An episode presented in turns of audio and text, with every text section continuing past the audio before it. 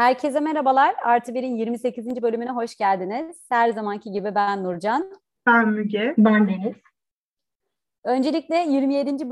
bölümümüzü dinleyen herkese buradan çok teşekkür etmek istiyoruz. Bayağı ilgi toplayan bir bölüm oldu. Gelecek nasıl gelecek demiştik ve gelecekle ilgili birçok şeyden bahsetmiştik. E, bugünkü bölümümüzde ise birazcık kripto paralardan bahsetmek istiyoruz. 19 Kasım'da yine bir tutulma geliyor. E, biraz ondan bahsedeceğiz. E, bir de bu çevreyle ilgili konuları geçen hafta da biraz değinmiştik. Orada da greenwashing diye yeni bir kavram e, ortaya çıktı. Ben de birazcık onu aktarmaya çalışacağım sizlere. İsterseniz önce kripto paralarla başlayalım ve bu konuda yetkili olan olan aramızda Müge'ye ben sözü vereyim şimdi. Kendisi bayağı artık bu konularda yani deneyimli. Tabii ki bu, bu bir şaka. Kesinlikle bir yatırım tavsiyesi değildir. evet paralar hazır alacağız Müge hadi alalım. Valla biliyorsun son dönemde epey merak saldım. Kendimce yöntemler geliştiriyorum. E, tecrübeler kazanıyorum ama bir yandan kazanırken bir yandan da para kaybediyorum. Hani şu anda bir öğrenme döneminde olduğum için. E, fakat şeyi fark ettim. Hani kripto dünyası gerçekten şu anda çok fazla içerisinde fırsatları barındırıyor. E, ve hep konuştuğumuz aslında yeni nesiller bizden çok daha önce bu fırsatları e, fark etmişler, içerisinde yer almışlar, e, ayırabildikleri harçlıklarıyla e, o paraları bir yerlere getirmişler. Hatta işi gücü bırakıp 2-3 yıl e, belki hani para kaybetmeyi göze alıp işte bu benim denediğim e, bazı yöntemleri onlar da denemişler. Ve şu anda e, YouTube kanalları veya işte Twitter'da veya web sitesi üzerinden çeşitli eğitimler düzenliyorlar, anlatımlar yapıyorlar. Geçen bölümde biliyorsunuz dünyadaki borsalardan bahsetmiştim. İşte en ünlü e, kripto para borsaları, işte Binance gibi, Huobi gibi global borsalar var. Bir de ülkemizde işte çok rahat kullanabildiğimiz ama daha kısıtlı e, kripto para ve token'ın yer aldığı işte Paribu, BTC Türk gibi çeşitli kaynaklar var aslında. E, ben ne yapıyorum ondan bahsetmek istiyorum. Beni şey çok heyecanlandırdı.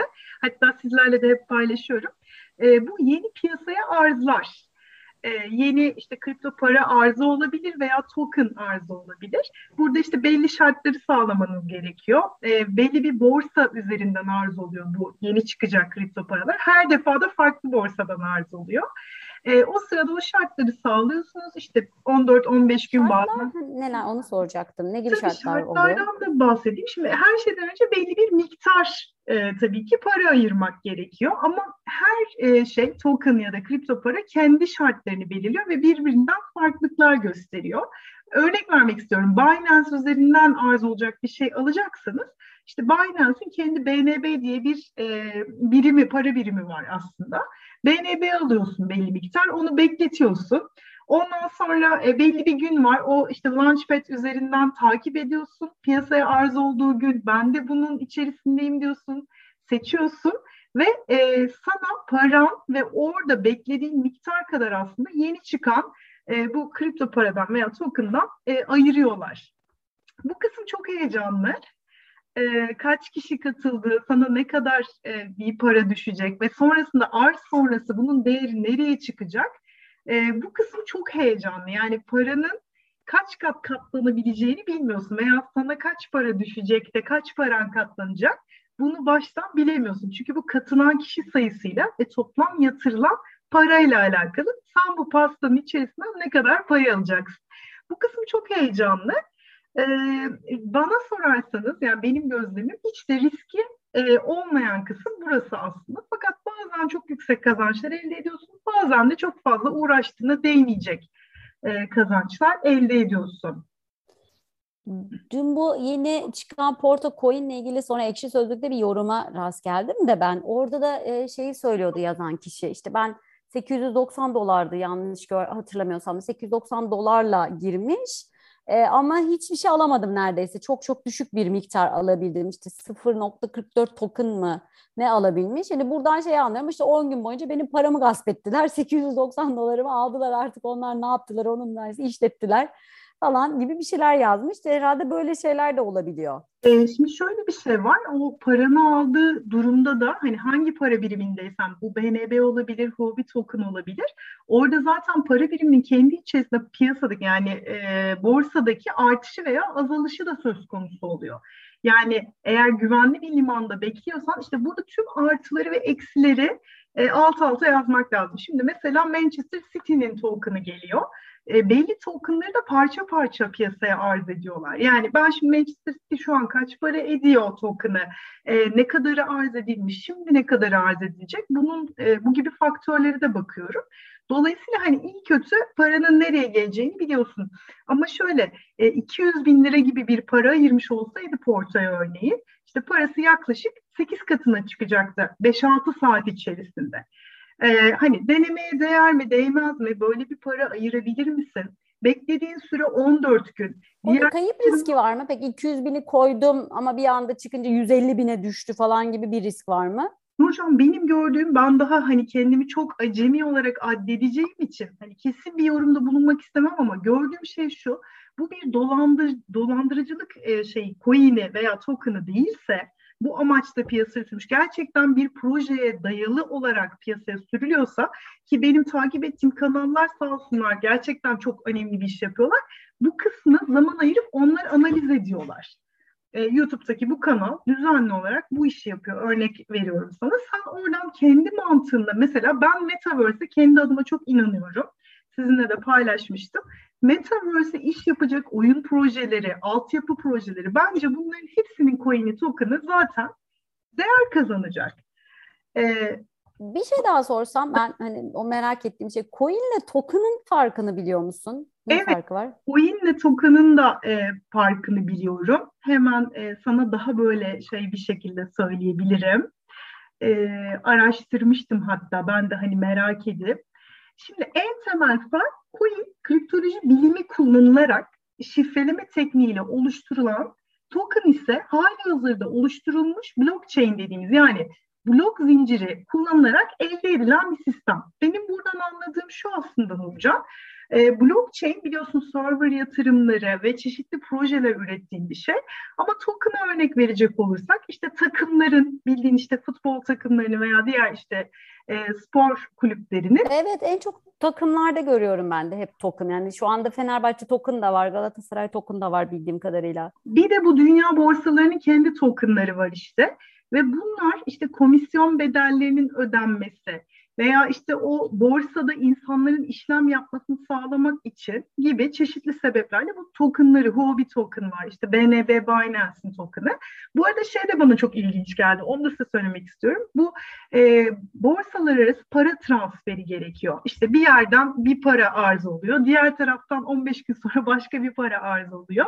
Sen işte paranı bu sefer bir dünya borsasından diğer kripto borsasına taşımak zorunda kalıyorsun. Ben Ve stresten bu... ölürüm herhalde. Geçti mi geçmedi mi? Ya, ya, ne olacak? Param şu an nerede? Şöyle söyleyeyim sorabileceğim kimse yok. Karnıma ağrılar giriyor. Ee, şimdi aynı para birimine işte adres biliyorsunuz işte kare kod tarzı adres. Evet QR kod var sanırım. Aynen öyle. Mesela Huobi sana bir adres veriyor. Buradan çekiyorsun. Binance, Binance'e de yatırıyorsun. İkisinin adresini eşleştiriyorsun. Gönderdiğin işte para birimlerinin aynı olması gerekiyor. Bir de parayı gönderdiğin kanal aynı olmalı. Hani bunlara çok dikkat etmen gerekiyor. Ufacık bir hatayla komşunun bilgisayarına direkt ya da dünyanın başka bir ucundaki insanın bilgisayarına paranı böyle yolcu edebiliyorsun. Bir yandan çok keyifli yani yeni bir şeyler yapıyor olmak, yeni bir şeyler öğreniyor olmak. Bir yandan işte ben tedirgin de oluyorum açıkçası. Şeyi de bildiğim için bazen hani öyle coinler, öyle tokenlar insanlar yani bir anda sıfırlanabiliyor falan böyle. Dediğin gibi dolandırıcılar falan da olabiliyor. Orada iyi analiz etmek lazım sanırım. Sıfırlananların da aslında e, sabrettiğin takdirde eski değerine e, döndüğünü görüyorsun. Ben şu anda ne yapıyorum onu söylemek istiyorum. Bir günlük yani 24 saatlik e, bir coin'in indiği ve çıktığı minimum değerleri. Bu birkaç coin belirledim kendime. E, o indi ve çıktığı değerlerle ilgili açık emir veriyorum. Yatıyorum uyuyorum. Diyorum ki sen bu coin 10 liraya indiğinde 100 tane bana al. Bir bakıyorum gece işte 5'te almış o coin'den bana 100 tane. Sabahleyin seviniyorum. Aa diyorum 10 liradan almıştım. 12,5 liraya çıktığında da yine açık emirle bunu benim için sat diyorum. Bu e, ciddi anlamda şu an belli bir nakit akışı sağlıyor. Siz de zaten hani bakarsanız her coin'in bir salınım maksimum minimum değeri olduğunu göreceksiniz. Ama yeni çıkan coinlerde veya tokenlarda bunu bence yakalamak çok mümkün değil. E, onlar biliyorsunuz Biraz daha, daha o paternin oturması gerekiyor sanırım. Aynen öyle. Mutlaka 3 aylık 6 aylık seyirlere de yani bu nereye kadar düşmüş en fazla, nereye evet. kadar çıkmış en fazla bir göz atmak lazım can acıtmaması için. Ama heyecanlı. Ya da dolar alacağız. Lazım. Biz biliyorsun hani şu, bugün öyle bir tweet vardı. Ee, şu an işte e, düne göre daha fakirim ama yarına göre de daha zenginim yani. yani bugün hani orada polyanlacılık yapıp dolar altında alabiliyoruz biliyorsun ülkemizde tarihe de bir not düşelim. Şu an 10-60 falan oldu sanırım dolar. Hatta belki de daha yukarı çıkmıştır bilmiyorum. Bir öyle bir şey görmüştüm. Öyle mi? Tabii tabii. 10 ile 11'in arası zaten rüzgar gibi geçti. Dediler ki işte espri yapıyorduk. 10 ile çarpmak kolay olacak falan dedik. O bile 3 gün sürdü. Hakikaten öyle oldu sürat var. Yeni faiz kararından sonra bakalım ne olacak. Tabii ben, yarın çok belirleyici olacak şimdi. Aynen öyle. Şunu söylemek istiyorum. Yani doların altının e, modasının geçeceğini düşünüyorum. Özellikle bu yaşta bu deneyimleri yaşamamız gerekiyor ki ileride hani biliyorsunuz zaten dijital para, dijital borsa, dijital piyasalar, dijital banka her şey dijital olacak. Burada hani kendinizi üzmeyecek miktarlarla tecrübe edinmenin de çok e, eğlenceli ve değerli olduğunu düşünüyorum ben. Kesinlikle. Çok teşekkür ederiz bize verdiğin bilgiler için. Rica ederim. Bizi de soktun zaten. Öğrendim. ara ara evet işte alıyoruz, satıyoruz bakalım. E, bir güncelleme yaparız belki bununla ilgili de. Ama bir yandan evet evet yatırım tavsiyesi değildir Müge. Evet herkes gibi. Ya da şey veriyorlar işte yani artabilir de azalabilir de. Bu evet. bir yatırım tavsiyesidir. Ona göre alın. Ama bildiğim kadarıyla Deniz astrologlar da bu kripto paralar için e, ileride baya böyle şey hani olumlu pozitif gelişmeler olacağını, ondan artacağını söylüyorlar. En son hatta bir sen paylaşmıştın sanırım bizimle 19'unda bir tutulma olacak. Evet. Değil mi? Orada da bununla ilgili bir şeyler de yazıyordu yanlış hatırlamıyorsam. Çok Ama sen birazcık daha detay verebilirsen çok sevinirim. Veririm. Öncelikle şey söyleyeyim. Ee, hani kendim bakıyorum ediyorum falan gibi değil. Ben de e, böyle saygıdeğer astrologları takip ederek söyleyeceğim bilgiler. Bunlar onların e, şeylerini incelediğimizde kesinlikle e, dijital dünyaya gidiyor. Yani sistem değişiyor artık. Hatta e, doların e, 2023'ten sonra sanırım 2024 ya da 2026 civarları olarak yaklaşık tarih veriyorlardı. E, yavaş yavaş tarihe karışma noktasına kadar gidebileceği yani bayağı bir revaçtan düşecek. E, altın bir nebze daha yine e, dolara göre e, biraz daha kalıcı, ona göre bir ayarlama olabilecek ama esas şey aynen dijital dünya, dijital para artık ona geçiyoruz. E, bu 19 Kasım'dakinin önemi de tutulmanın parçalar tutulması olacak. E, normalde tutulma şeyleri 6 ay etkilidir. Bunun etkisini biz 3 yıl hissedeceğiz. Oldukça güçlü bir tutulma ve dünyanın büyük bir bölümünü etkiliyor. Ne diyorsun? 3 yıl mı? Evet, 3 yıl etkisini hissedeceğiz.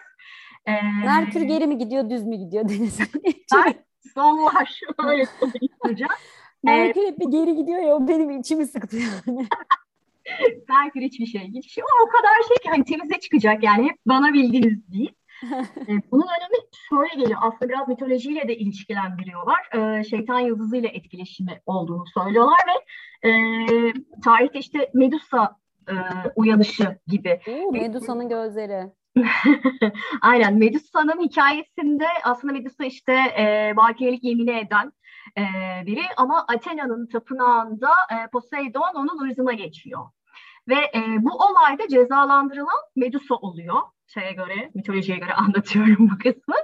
E, ve saçları yılana dönüyor. Sonrasında da işte bu e, dönüştüğü hal neticesinde de işte kendisiyle göz göze gelenler taşa dönüyor falan gibi. İşte herkes Medusa'dan artık lanetli biri olmuş oluyor. Hep acımışımdır Medusa'ya. Her yere Sen mağdur bacı değil mi?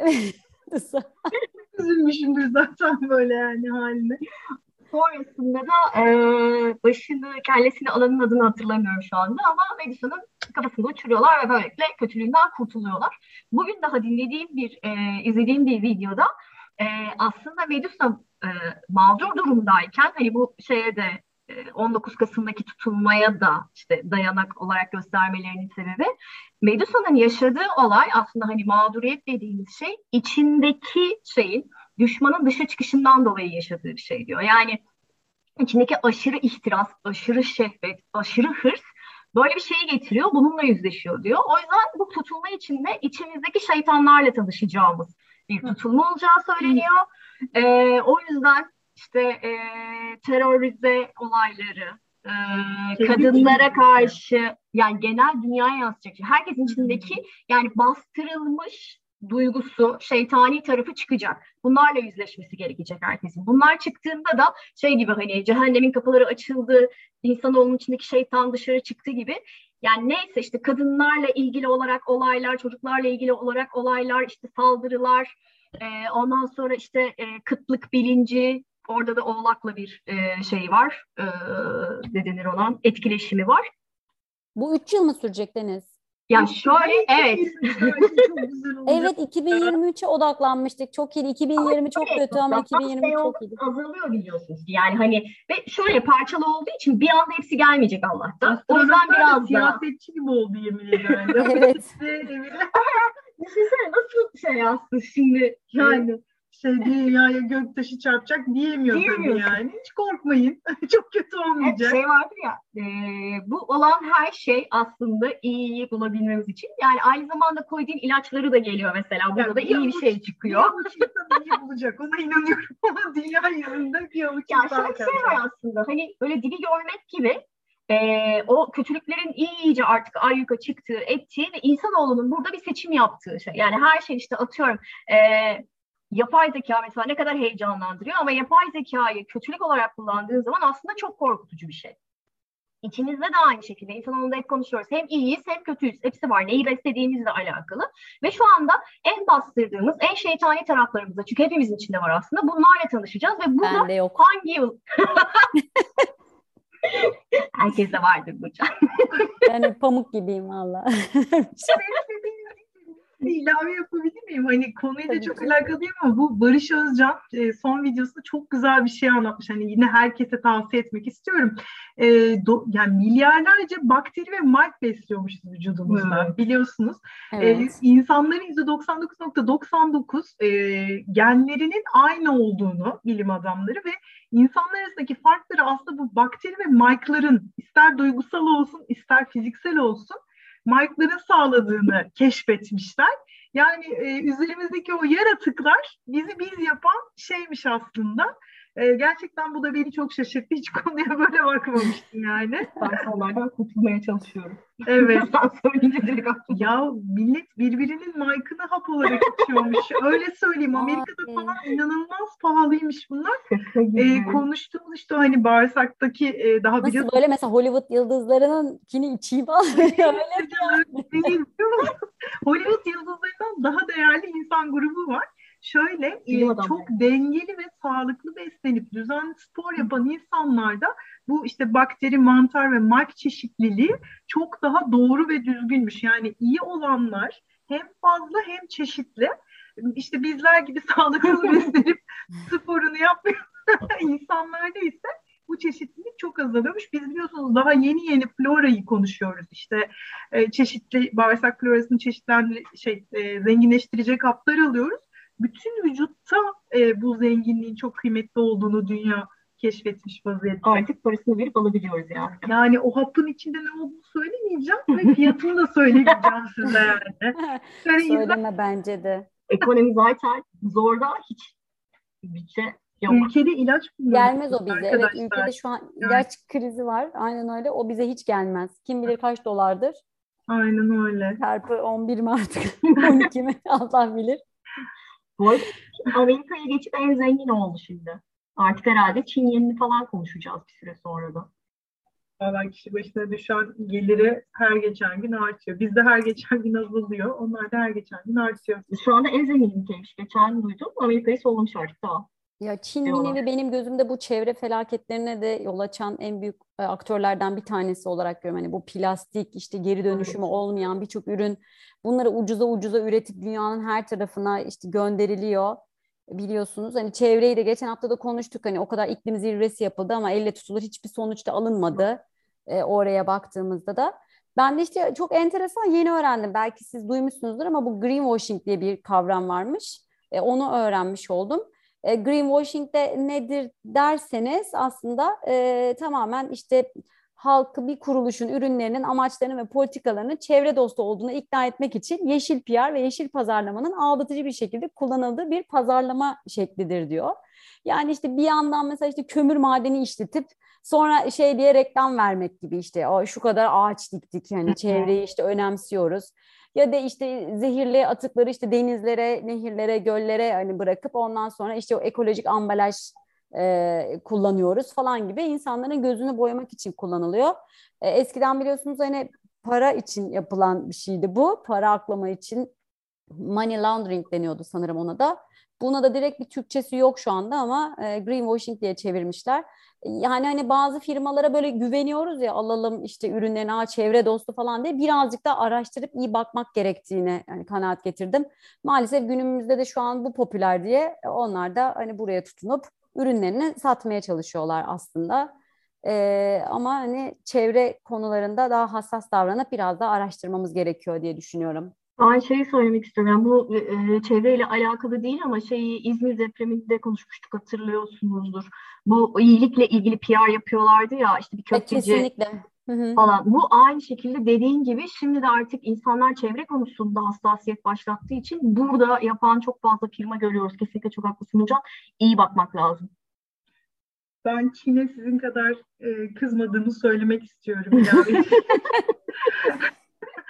Yani. E, dünyada biliyorsunuz çok ciddi bir adaletsizlik var. Yani ülkemizde de hep bu konuyu konuşuyoruz. Onlar da evet bir milyar nüfusa sahipler. E, ve dünyada hep kutuplaşma olmuş. Hep bir dışlanma Doğu blok ülkeleri biliyorsunuz hep dışlanmış.